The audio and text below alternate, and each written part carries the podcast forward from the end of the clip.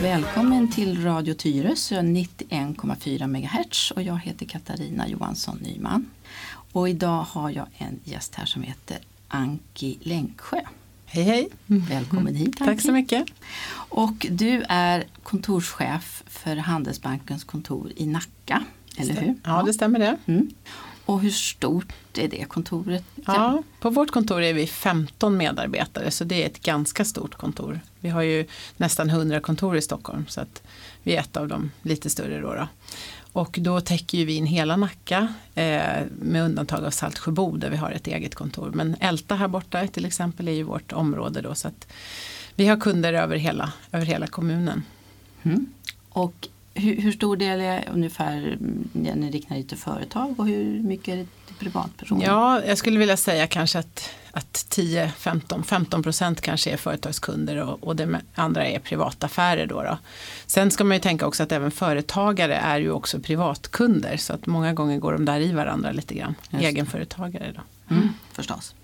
Och då är det förstås väldigt vanligt att man kommer till det när man funderar på att köpa en bostad till exempel. Exakt, det är ju kanske då man oftast träffar banken. Ja. Första gången ibland till och med när man är ungdom i alla fall. Att det är första gången man får gå till banken.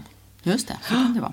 Och det är lite grann därför som jag har bjudit in dig idag också. För att jag tänker att vi ska prata om hur det kan fungera när man ska köpa sig sin bostad. Vilka regler det är som styr och, och ja, hur man ska tänka och hur man kan räkna helt enkelt. Mm, precis, viktiga frågor. Jätteviktiga frågor.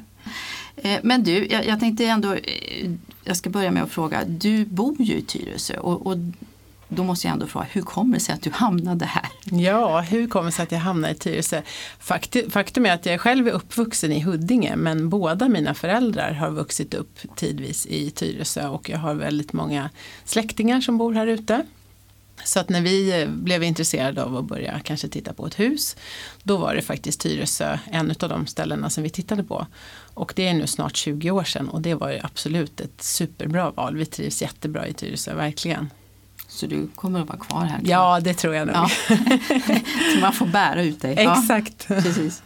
Du, eh, när man är en ung människa och ska flytta hemifrån så är det ju inte så väldigt lätt att få en bostad numera. Och ska man ha ett hyreskontrakt då ska man ändå ha stått i kö väldigt länge eller också måste man ha kontakter.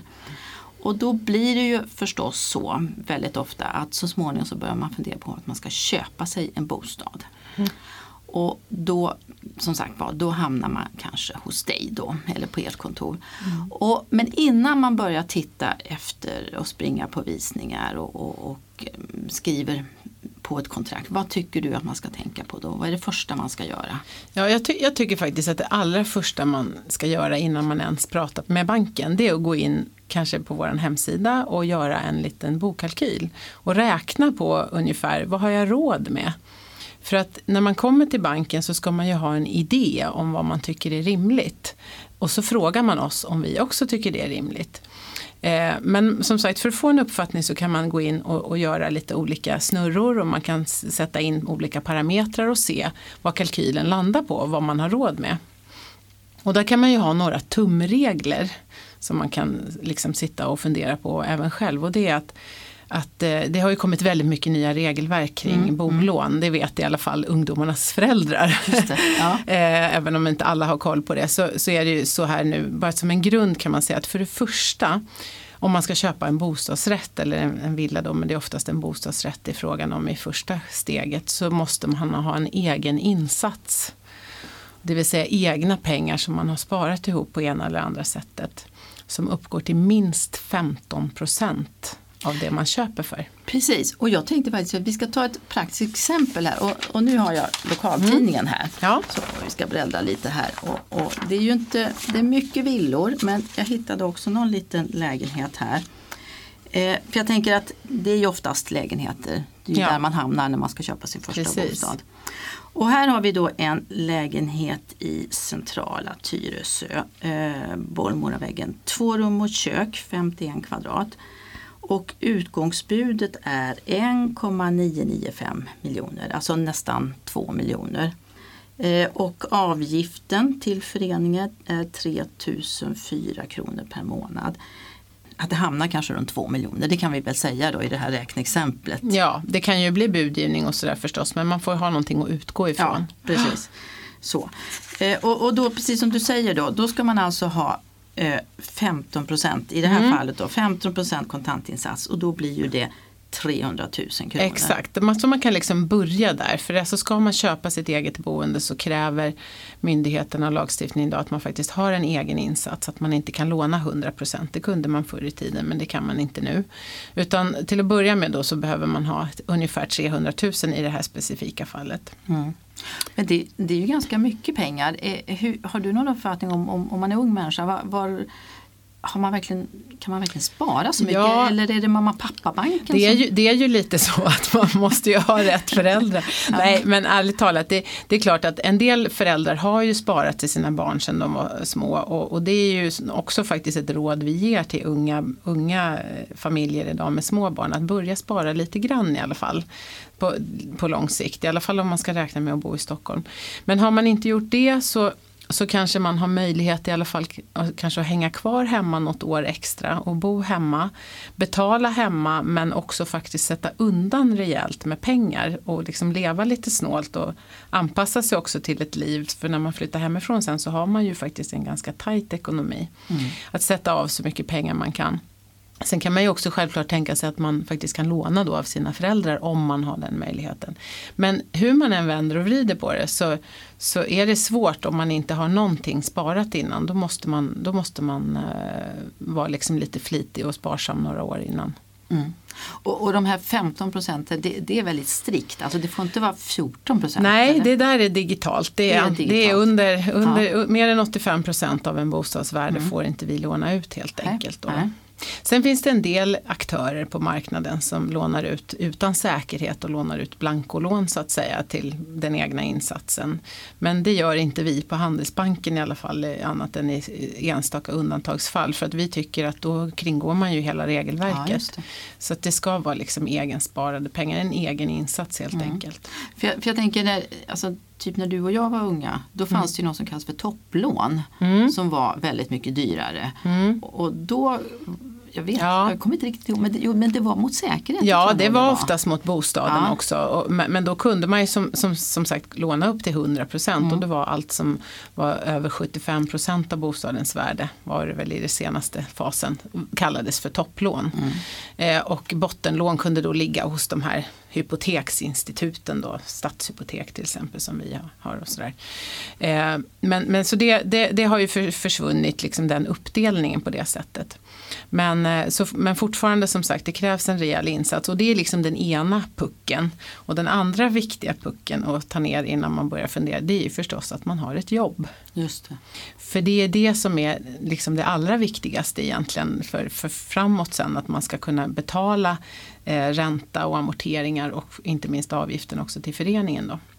Så att, att man har ett fast jobb det är också en förutsättning för att man ska kunna få ett lånelöfte från en bank. Och när du säger fast jobb, man kan ju till exempel vara frilans eller egenföretagare. Hur, Då, då är det så här då, då att i lite regelverket som det finns så många trevliga av nu för tiden så ska inkomsten vara säkerställd och stadigvarande. Och kan jag då komma och visa att jag faktiskt är egenföretagare, jag tjänar ungefär så här mycket, jag kan visa på deklarationer tillbaks i tiden att det är ett stabilt, en stabil inkomst trots att jag inte har formellt sett en fast anställning.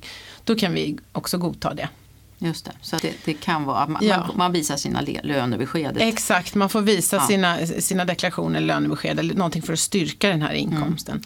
Många ungdomar dock kommer ju kanske in i att de faktiskt inte har ett fast jobb till att börja med. Och då är det lite tufft, då får man kanske oftast ha föräldrarna med som medlåntagare under en tid tills man känner att man kan liksom stå på egna ben. Mm. Det är också inte alla förunnat att ha det men Nej. Det är i alla fall en lösning. Mm.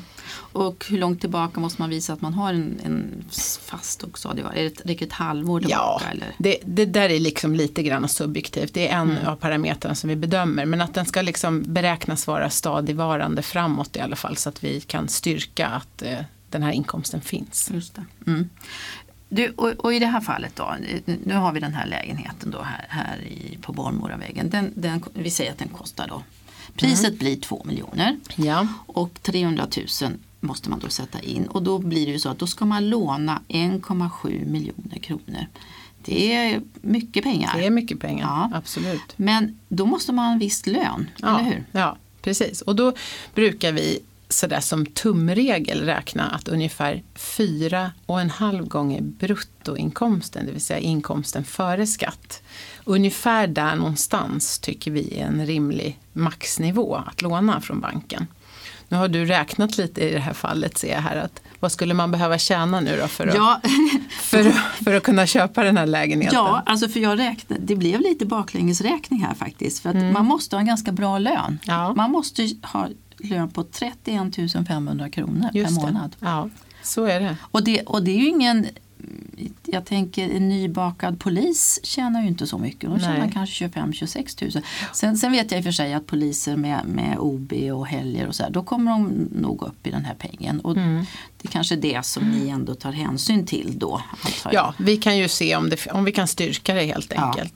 Men det är mycket, det är, Det är mycket pengar, en det är ingen lön. ingångslön Nej, det där inte. nej, det inte. Och då kan man ju tänka ytterligare i nästa steg om man nu är 2022 och vill flytta hemifrån och ändå har en inkomst men inte så hög. Ja, då är det ju helt enkelt att backa tillbaka och tänka vart har jag råd att bo någonstans? Och då Just det. kommer vi kanske utanför Tyresö eller Mm. kanske i mera avlägsna delar, ocentrala delar av Tyresö Ja. för att komma ner i pris. För det är ju väldigt, väldigt stor skillnad på priser på bostadsrätter beroende på var i Stockholm du tittar. Här i Tyresö, ja det är ju svårt att säga exakt vad ligger snittpriset. Det beror, beror förstås på om det är nyproduktion och så. Men, ja, men runt 40 000 kronor per kvadratmeter. Mellan 25 och 50 kanske eller någonting sånt där. Hoppar du in till Södermalm, då har du utan vidare det dubbla. Det. Så att så måste man ju också tänka. Man måste förstå, man kan, har man, ska man ha råd att bo på en exklusiv adress, då måste man ha en stor egen insats och en hög lön. Mm. Eller vara två. Just Man kan ju flytta upp med en kompis också. Man behöver ju inte nödvändigtvis vara ett Mm. par för att dela lägenhet. Men, så det, sådana alternativ kan ju också vara möjliga. Ja. Men jag tror man får leta sig liksom bort från city eller, Mm. och bort från centrala delar av kommunerna för att hitta billigare lägenheter helt Mm. enkelt. För jag, för jag tittade på Hemnet också och, och den billigaste lägenheten just nu som låg ute i Tyresö det var en etta på ja, knappt 30 kvadrat på 1,6 miljoner.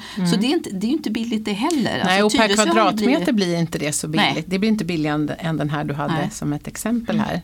För det är ofta så också att ju mindre lägenheter desto dyrare per kvadratmeter. Så är det ju oftast. Eh, så att, nej, så det är inte så billigt att bo här heller faktiskt. Nej, Tyresö har blivit exklusivt det med. Ja. Eller hur? Så är det.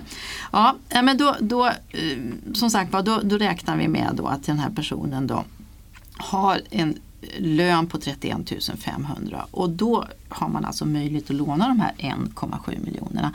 Och du säger det här 4,5 gånger då, för det blir ju 31 500 gånger 12 gånger 4,5 då blir det ungefär 1,7 miljoner. Är, är, det, är det också Finansinspektionen som har satt upp de här 4,5? Nej, eller? det är det inte. Det de, det de har bestämt i det här sammanhanget det är så här att om du lånar mer än 4,5 gånger din inkomst då måste du amortera extra. Jaha, Så, så, så, här fungerar det. Det här är lite krångligt men steg ett är om du lånar mer än 50% av bostadens värde då ska du amortera 1 Lånar du mer än, än eh, 70% av bostadens värde då ska du amortera 2% och har du dessutom en skuldkvot som det heter, alltså inkomst i förhållande till lånen på över 4,5 då ska du amortera ytterligare 1 Så i maxfallet då så kan du faktiskt ha lagkrav på en amortering på 3% och det är ganska mycket. Det är mycket. 3% betyder i princip att du amorterar av ditt lån på, på 30 år. Mm. Så det är ganska mycket pengar. Och då måste, förutom att den där överslaget måste gå ihop så måste även kalkylen gå ihop när man räknar liksom månadsutgifter. Med amorteringar, ränta och avgift. Och så ska du ha en viss summa kvar att leva på efter det. Mm. Och den måste också gå ihop. Och när vi stränga banker räknar kalkyler då räknar inte vi på dagens låga räntor utan vi räknar på 7,5 procent. I Handelsbanken i alla fall gör vi det. Just det, för det har jag också hört och då tänker jag jösses, Ja, jag. ja, men vi har varit med. Ja, jag har också varit med. Nej, Ja. nej men det är lite så. Det är faktiskt inte jättelänge sedan räntorna var i alla fall 4-5 procent. Det har man nästan glömt. Ja, nej men precis. Men, eh, och man måste klara det. Man vill ju inte behöva flytta bara för att räntorna går upp.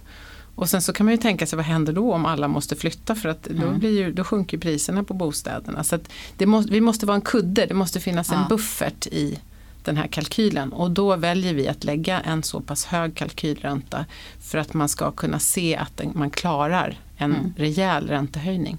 Mm.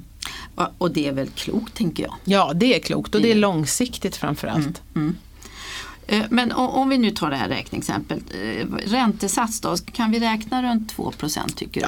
När man räknar för att titta här och nu vad, vad, hur mycket pengar ut blir från min plånbok då kan man absolut räkna med en slags tummen och pekfingret på 2-3 procent någonting. Just det. Och i det här fallet så blir det också en amortering på 2 Så att eh, det blir ungefär lika mycket som man ska ut med då i ränta och i amortering. Men vi ska säga amortering är ju ingen, det är ju ingen kostnad som man Nej, säger. exakt. En amortering är ju ett slags sparande oftast till Just en själv. Mm. Förutsatt då att eh, bostaden behåller sitt värde. Mm. För det kan ju faktiskt vara så att man köper en bostad i en marknad och så säljer man när, när marknaden har gått ner. Det har ju faktiskt också hänt förr. Och då har den här amorteringen gjort att man ändå kommer iväg till nästa boende utan att ha en skuld kvar så att säga. Förstår jag? jag menar, det, om bostaden går ner mer än då 15 procent då har jag ju hela min egna insats Just gått det. förlorad. Så, så har jag då dessutom amorterat så vet jag ju att, att åtminstone har liksom förbättrat min kalkyl till nästa boende. Då. Ja, för att man vill ju åtminstone inte ha skuld till banken. Nej, och, det, och. Mm. så har det varit förr om åren när det har varit eh, lågkonjunkturer och folk har blivit av med sina jobb. Då har det ibland hänt faktiskt att eh, folk har haft en restskuld från sitt tidigare boende. Mm. Det har man också glömt, men Ja. det kan hända. Jag säger inte att det kommer hända igen, men det, det kan hända. Precis. Ja, eh, och i det här fallet då, då, då, om vi börjar från början, då har vi alltså en avgift till föreningen på 3000 ja, 3 000 kronor per månad då kan vi säga. Och sen har vi räntor på 2 eh, och det blir ungefär 2800 kronor per månad. Och lika mycket i amortering då som i och för sig då man betalar till sig själv kan man Ja, säga. Men precis. det är ändå pengar som ska, Det ska ut. pengar som ska ut, Ja. exakt. Och då blir det alltså en, en summa på 8700 kronor per månad. Mm. Ja, runda släng- slänga 9000 och det är klart det är ju ja, Det är lite pengar. det är lite pengar. Och, och det är klart, skulle du hyra en, hyra en lägenhet i- nyproducerad i det här läget då skulle du säkert få betala det minst. Så Ja, att det, tror jag. Ja, Jag tror eh, framförallt nyproduktion kan man nog nästan jämföra om man maxbelånar en bostadsrätt att det är ungefär samma utgift i alla fall per månad mm, mm, som man har. just det. Och så tillkommer förstås lite el och försäkring och sådär. Ja exakt, precis. Mm. Nej det är inte billigt att, att, att, att bo faktiskt. Och som sagt priserna har ju gått upp enormt mycket sedan de senaste tio åren. Så eh, några år där gick ju priserna upp med 20% per år. Ja, Så på fem år, fem år så var det liksom en fördubbling och det, det, nu har vi ju slagit i det där taket. Nu har ju folk inte råd längre med de bostäder som byggs. Så att, eh, det behöver nog sätta sig lite grann så att man känner att det kommer tillbaks till bostäder som folk faktiskt har råd att, att köpa. Du, och, och sen finns det ju någonting som kallas för av, att man har en avdragsrätt för räntorna. Hur, hur fungerar det? Jo, men eh, när man deklarerar varje år så får man ju räkna eh, både inkomst av kapital och eh, kostnader så att säga för räntekostnader och ränteintäkter deklarerar man ju för. Och då betyder det att har man, har man eh, betalat utgiftsräntor då så är de avdragsgilla på deklarationen. Så de facto så, så betalar man bara 70% av räntekostnaden i slutändan. Man får tillbaks resten så att Mm. säga. Och då kan man ju till exempel begära jämkning hos Skattemyndigheten. Det kan man göra så man slipper ligga ute med de pengarna om man, om man vill. Om man har stora lån. Mm. Men, men det, det är lite grann, det är ju på marginalen kan man säga. Och, och det här diskuteras ju också om det här Just ska det, vara kvar. absolut. Nej, men man ska betänka, vi har ju aldrig haft så här låga räntor i Sverige som vi har nu. Så att jag menar räntekostnaden i sig, den är ju jämförelsevis försumbar. Eh, så tycker man att det är dyrt nu, då, då blir det ännu dyrare om räntan blir fördubblad. Det, Och det ska man ju också tänka på även när man gör den här kalkylen som du gjorde nu. Det är inte den kalkylen som vi gör på banken som jag sa utan då räknar vi ju med en helt annan ränta. Men även tycker jag själv när man sitter och räknar att man stresstestar lite grann och tänker sig okej en dubbel ränta då, för kanske 4 procent. Har jag råd med det? Tycker jag att det är rimligt? Just det. Så du menar ni, ni räknar alltså, ni räknar 7 procent? Sju och en halv till och med Ja. räknar vi. Det är lite olika mellan bankerna men de flesta ligger där någonstans. Mm. Och då, då måste jag ju se vad det blir då i det här fallet. 1,7 miljoner gånger, vad sa du, sju och en Sju och en halv Oj, mm. 127 000 per år. per år. Ja. Mm. Det blir alltså 10 000 i 10 månaden. 600 per månad. Mm. Ja. Nej men alltså man blir lite fartblind. Ja. 1, som du sa, 1,7 miljoner det är mycket pengar. Ja. Mm. Så är det. Ja, precis. Oj, oj. Ja. Ja. Du, eh, hur, hur ska man tänka då kring det här med bindningstider för räntorna tycker du? Det är också en bra fråga i dagens läge för nu har vi ganska låga räntor upp till i alla fall tre, tre års bindningstid. Eh, och framförallt då om man har inte så stora marginaler i sin ekonomi. Om man är, sitter i den här sitsen nu som det här exemplet vi har, att man har lånat man har en utgift på, på 8700 i, i månaden. Då kanske man inte är, då är man ganska känslig kanske för en räntehöjning. Och då kan det vara lite värdefullt att veta i förväg vad man har för kostnader och utgifter. Och därför så skulle jag kunna säga, då, då kanske man ska sprida risken lite och binda en del. Kanske binda någon del på tre år, kanske binda någon del på ett år och ha någon del kanske rörligt. Det, det beror på lite grann. Men jag tycker man ska utgå från hur, eh, hur, hur stresstålig ens ekonomi är. Små marginaler så kan det vara värt att, att binda. En sak man ska tänka på dock när man binder räntan det är ju att om man, om man säljer den här lägenheten och flyttar ifrån i, i förväg så att säga, innan räntebindningstiden har gått ut och inte köper en ny bostad så kan man ju behöva betala ränteskillnadsersättning när man löser lånet. Just det. Och det ska man liksom ändå ha i bakhuvudet. Men har man köpt ett boende och tänker nej men här är jag långsiktig och det här ska jag ha kvar. Då kan man ju titta lite längre fram och binda lite längre. Mm. Och, och det som man kallar för rörligt idag det är ju inte riktigt rörligt Nej. utan det är tre månader. Tre månaders bindningstid och då blir det också förstås lite ränteskillnad om man löser i förväg. Men det, det är ganska marginellt eftersom det är aldrig mer än max tre månader till nästa förfall. Liksom. Mm. Du, får man ha betalningsanmärkningar och få lån hos er? Ja, det där är ju en bra fråga. Eh, normalt sett inte.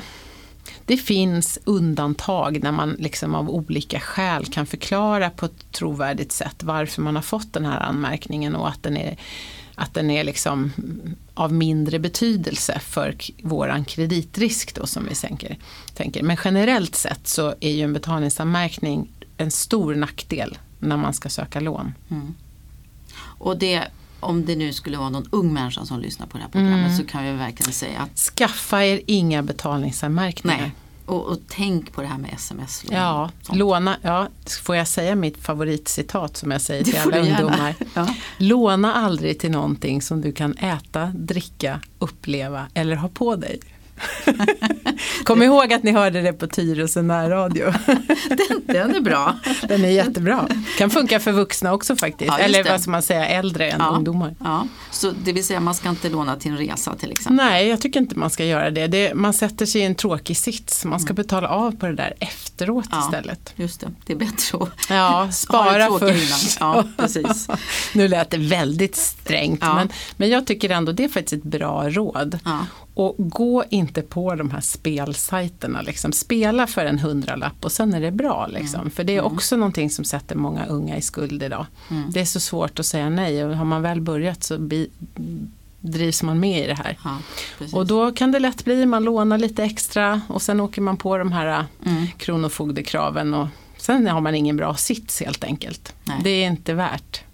Nej, precis. För det, för det där hänger ju med ganska länge. Ja. Mm. Och, och man kan ju också säga så här, för, för jag har ju jobbat med och, och det här med att man hyrt ut lägenheter och då, då har man ju också haft det här med hyresgäster som har betalningsanmärkningar och sådär. Men det är inte så lätt att få en betalningsanmärkning. Det är, det är inte någonting som man får direkt. Nej. Utan man, man måste faktiskt ha strulat lite grann för Ja. att det ska bli en betalningsanmärkning. Ja, och, och, och, och struntat i att öppna vita kuvert som kommer hem i den vanliga brevlådan. Just det, det. kanske inte många ungdomar har så bra koll på ens en. Mm. gång nu för tiden. Räkningar helt enkelt och kravbrev. Mm. Hugg dem direkt och kan du inte betala, ta hjälp av någon. För det är ingen idé att liksom hamna efter med allting. Då Nej. blir det jättejobbigt. och ta kontakt. Ta kontakt och ta kontakt med banken också, eller Ja. den du är skyldig pengar. Mm. För eh, många stoppar huvudet i sanden för att de tycker att det är genant att det inte har gjort rätt för sig. Men det är mycket, mycket bättre att, att kontakta oss eller de man är skyldig pengar och så pratar man om det så lägger man upp en plan tillsammans. Mm. Bra råd. Mm. Du, om man har köpt en bostad, två stycken personer ihop. Eh, och sen efter något år eller några år säger vi då, så ska man separera.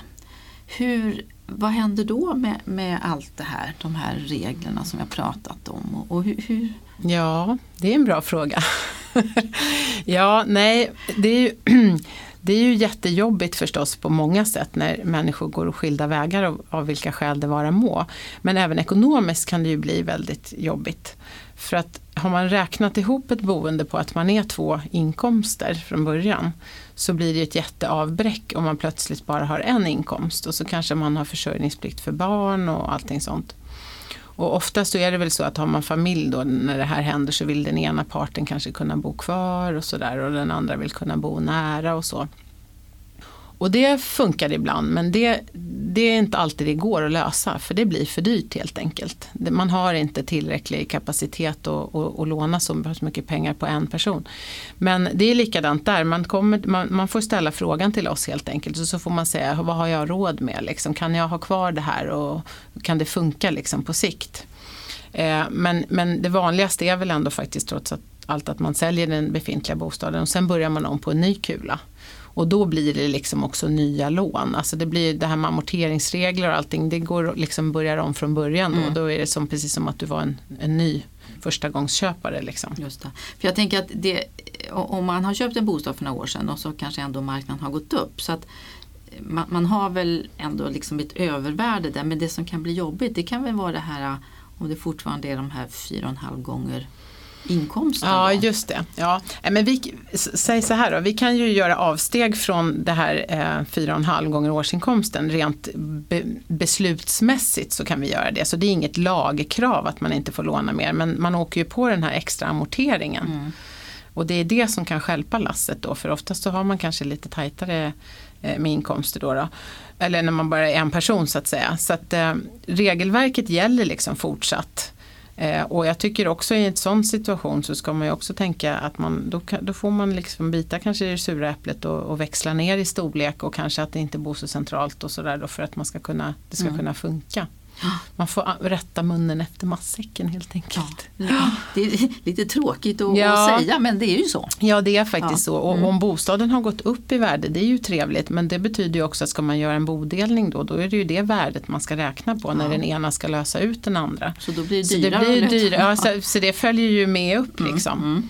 Så det, ja, det är dyrt att separera och, eller att skilja sig, det, så är det. Mm. Du, och, och vad händer om man till exempel skulle bli arbetslös då? Mm. Precis, då kan man ju i vissa fall då man blir arbetslös eller, eller, eller sjukskriven under en tid så kan man få ett anstånd under en tid med att eh, amortera faktiskt mindre.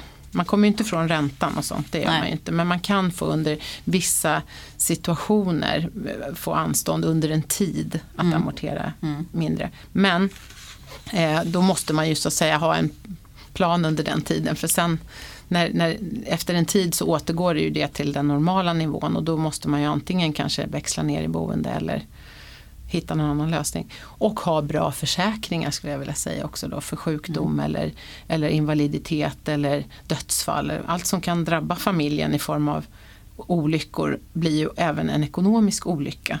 Och det är ju det man kan tänka på i förväg faktiskt och se till att man har ett bra skydd mot olika händelser i livet. Ja, och det, och det är Och väl döden. också många som kanske tar den typen av Ja, försäkring. ja man- olika typer av försäkringar för att skydda familjen och, och inkomst, eh, inkomsten och sådär så att man liksom kan Mm. bo kvar åtminstone en tid.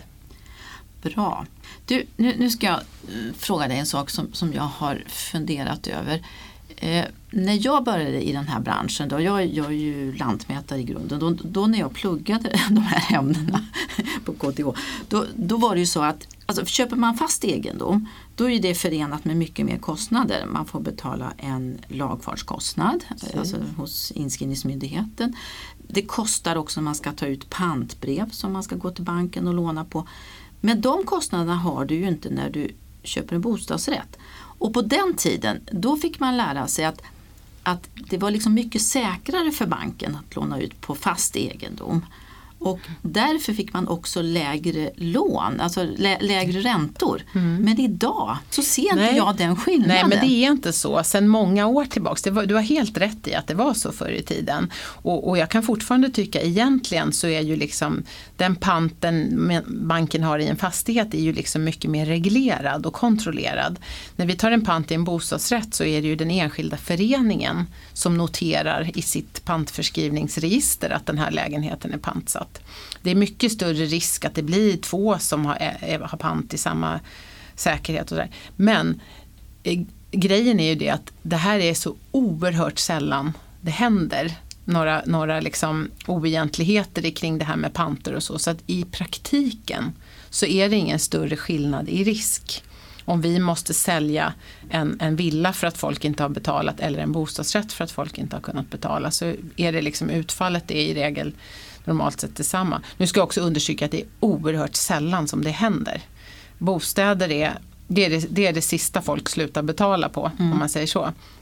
Eh, för att man såklart är mån om sitt boende. Och, så att, så att man har bedömt tror jag och marknaden har nog också liksom tryckt på. Marknaden för bostadsrätter har ju vuxit ganska rejält under den här tiden. Så att man har liksom ändå bedömt att för att det här ska vara rimligt att kunna hantera som bostadslån så har man jämställt de här säkerhetsmässigt. Bostadsrätter och fastigheter.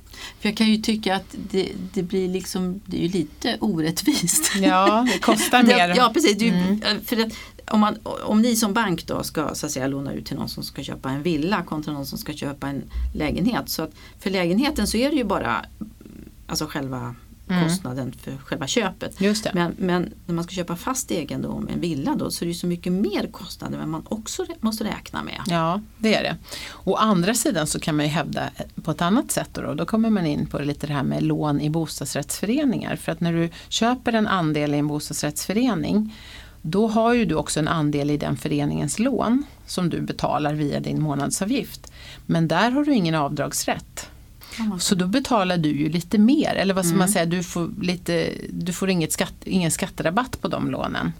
Men det har du ju som villaägare fullt ut. Så lite grann så här gungor och karuseller kan man Ja. se över, över årens tid så tror inte jag att det gör jättestor skillnad kostnadsmässigt om man har behövt lägga, erlägga pengar för pantbrev än om man slipper, eller inte får den här avdragsrätten då som föreningen. Så. Och där ska jag också understryka när man ska titta på en bostadsrättsförening, titta på föreningens ekonomi och titta hur mycket lån det ligger i föreningen. Så att man vet vad man, vad man är med och tar ansvar för. Mm. Nu på senare år har det byggts en del nya föreningar med ganska höga lån. Och det behöver inte vara ett fel i sig men det är ett stort ansvar för de boende att ha, att, att ha ansvar för ett stort föreningslån tillsammans. Mm. ska man också tänka på. Precis, och, och räntorna går ju upp även Ja, för, då, ja för föreningen. och då kanske måste man ju till slut höj- höja avgifterna Mm. om räntorna går upp mycket. Så det är också en, en, en risk att ta hänsyn till när man köper en bostadsrätt som Mm. man ju inte behöver tänka på när man köper en fastighet. Nej, precis. Du, om man vill bygga nytt eller bygga till, Mm. då kan man ju behöva byggnadskreditiv. Mm. Vad innebär det? Ja, ett byggnadskreditiv är en, en slags checkkonto kan man säga, en kontokredit som vissa banker erbjuder. Alla banker erbjuder inte det, men vi har det på Handelsbanken. Eh, och då är det så här att man öppnar, lägger upp en, en ram kan man säga på så mycket som man tror att man kommer behöva för det här bygget. Och sen när man får fakturer efterhand från byggherrar och eh, olika hantverkare som är där och gör jobb så skickar man de fakturorna till banken och så dras de från det här kontot, så att säga, från kontokrediten. eh, under byggtiden. Sen när allting är klart och slutbesiktigat och värderat då kan man lyfta av den här krediten in i ett hypotekslån, det vill säga ett bostadslån. Och då få bättre ränta, alltså den här, det är lite högre ränta på den här eh, byggnadskreditivet och det är också lite avgifter förknippat med det för det är ganska mycket manuell hantering, det ska bokas fakturer, vi måste besiktiga det här bygget och se att det flyter på och att de kostnader som faktureras verkligen är utförda arbete för och så vidare. Och så vidare. så det, det är en ganska det är ingenting, om jag ska vara helt ärlig, som vi erbjuder brett. Utan det är till utvalda kunder, jag på säga. Nej, men kunder som, har varit, som vi känner väl till att börja med. Och som har en god marginal i sin ekonomi. Som har en god egen insats i det här projektet eftersom det är stora risker att bygga själv. Eh, så att vi tittar alltid på ärendena individuellt. Men man ska ha lite extra buffert när Mm. man ska bygga. För det är mycket som kan gå snett. Och hur mycket kontant eller ja, insats ska man ha då?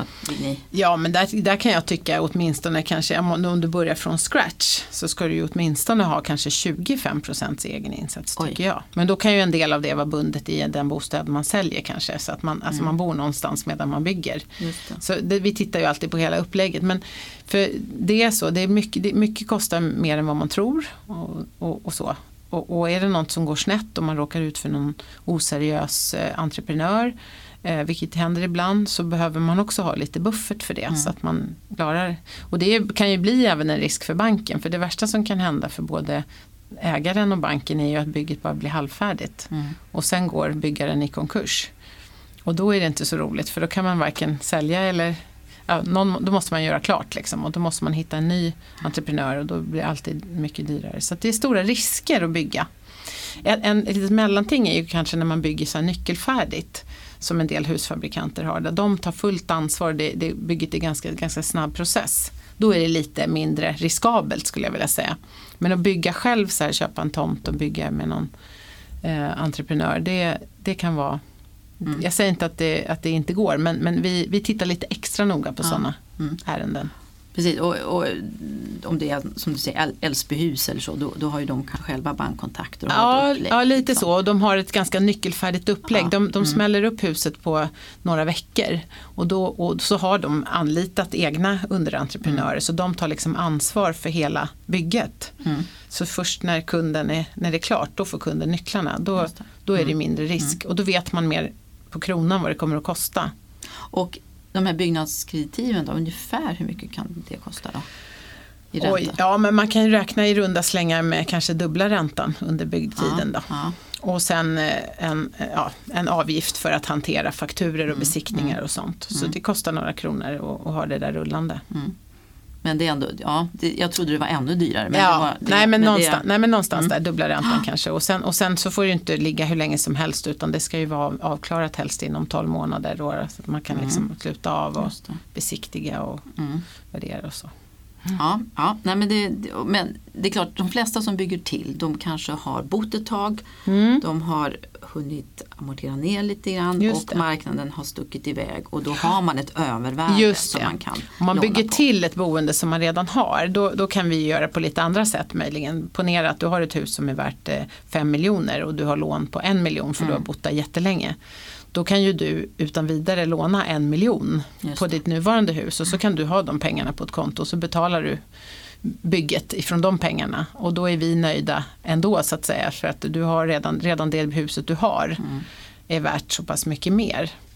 Så att då, då kan man lösa det på det sättet. Mm. Du sa att ni, ni gör värderingar.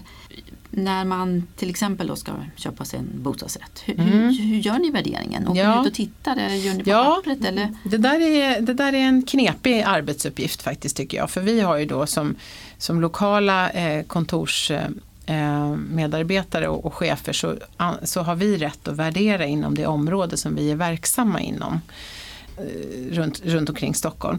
Och då, då kan vi använda antingen, eller i första hand utav statistiska underlag. Vi kan ju se vad, vad olika hus och lägenheter har sålts för. Och då kan man statistiskt räkna ut vad en lägenhet är värd. Eh, däremot så vet man ju inte exakt då, är det här utsikt eller är det nedre botten och är det, är det, är det ett bra läge och hur är skicket? Så det behöver vi veta ifrån köparen eller ägaren. Alltså säga, hur är skicket på lägenheten, hur, är, hur, hur ligger det i huset, hur är, för att ta som hjälp till vår värdering. Ibland frågar vi mäklarna vad de tror. Eh, för att få ännu bättre fingervisning. Men det är vi som liksom ansvarar för att värdera de objekt som vi lånar ut till. Och ibland så är vi kanske inte överens med ägaren. De tycker att det är värt mer än vad vi tycker. Men vi har liksom alltid våran värdering, det är våran värdering. Liksom att vi, vi måste kunna säkerställa den och att det ska vara det mest troliga försäljningspriset. Det är ju det som är utgångspunkten.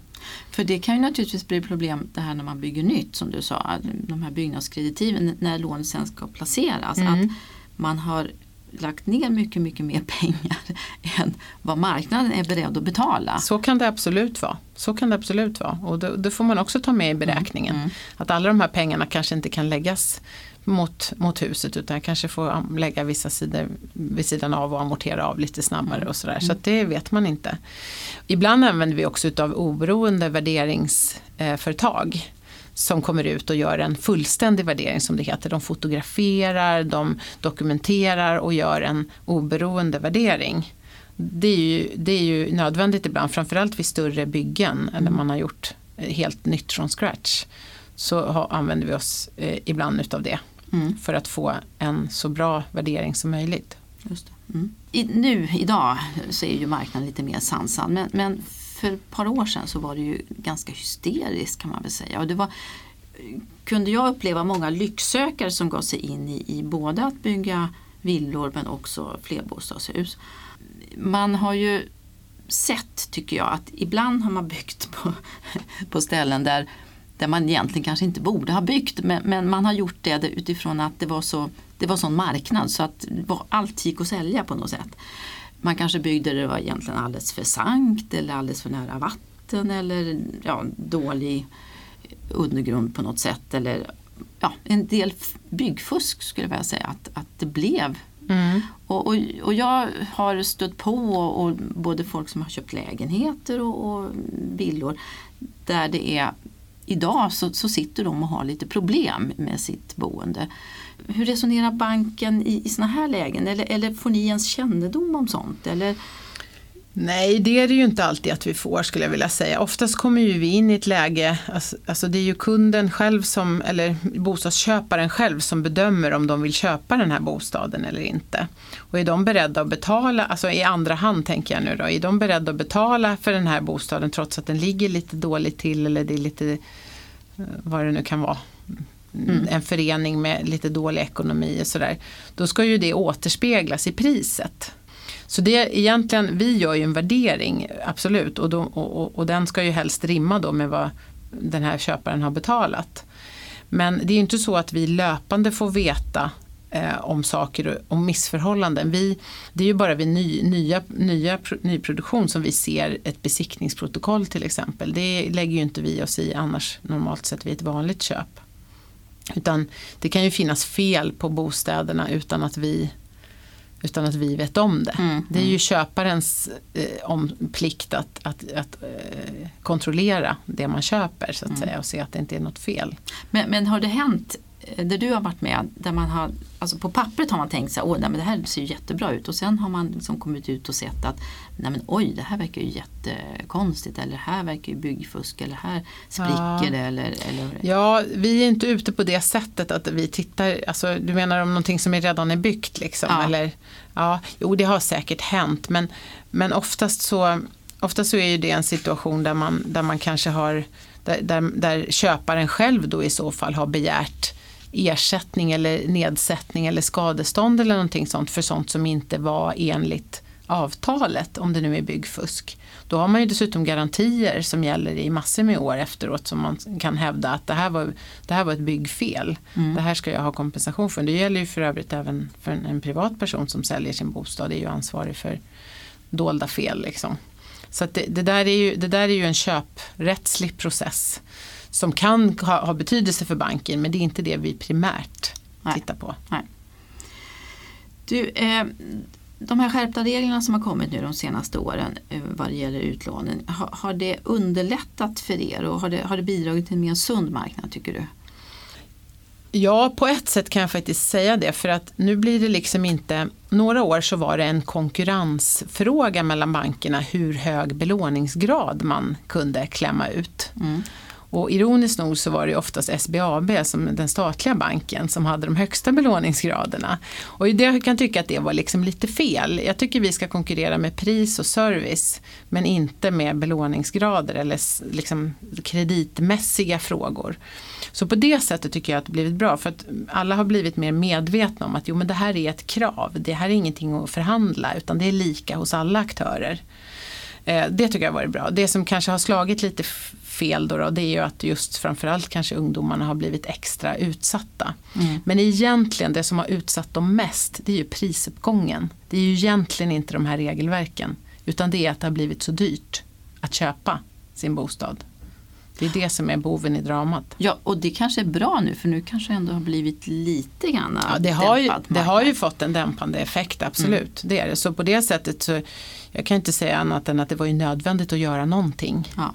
För marknaden var ju väldigt överhettad. Och det i sin tur beror ju på de låga räntorna förstås. För att om räntorna är så här låga då har man ju egentligen råd att låna nästan hur mycket som helst. Mm. Och det driver ju priserna. Så att det blir ju liksom en ond cirkel på något vis. Och nu har man i alla fall dämpat den där Mm. eh, karusellen lite grann. Ja, bra. Ja, det, men det är som sagt var fortfarande det är dyrt för unga att ge sig in i, i marknaden men det finns ändå möjligheter. Då vill jag tacka dig så mycket och eh, Anki Längsjö, tack så Mm. mycket för att du ville komma hit Tack för att jag fick komma. mm. och prata eh, regler och boendeekonomi med oss. Det här är Radio Tyresö 91,4 MHz och jag heter Katarina Johansson Nyman.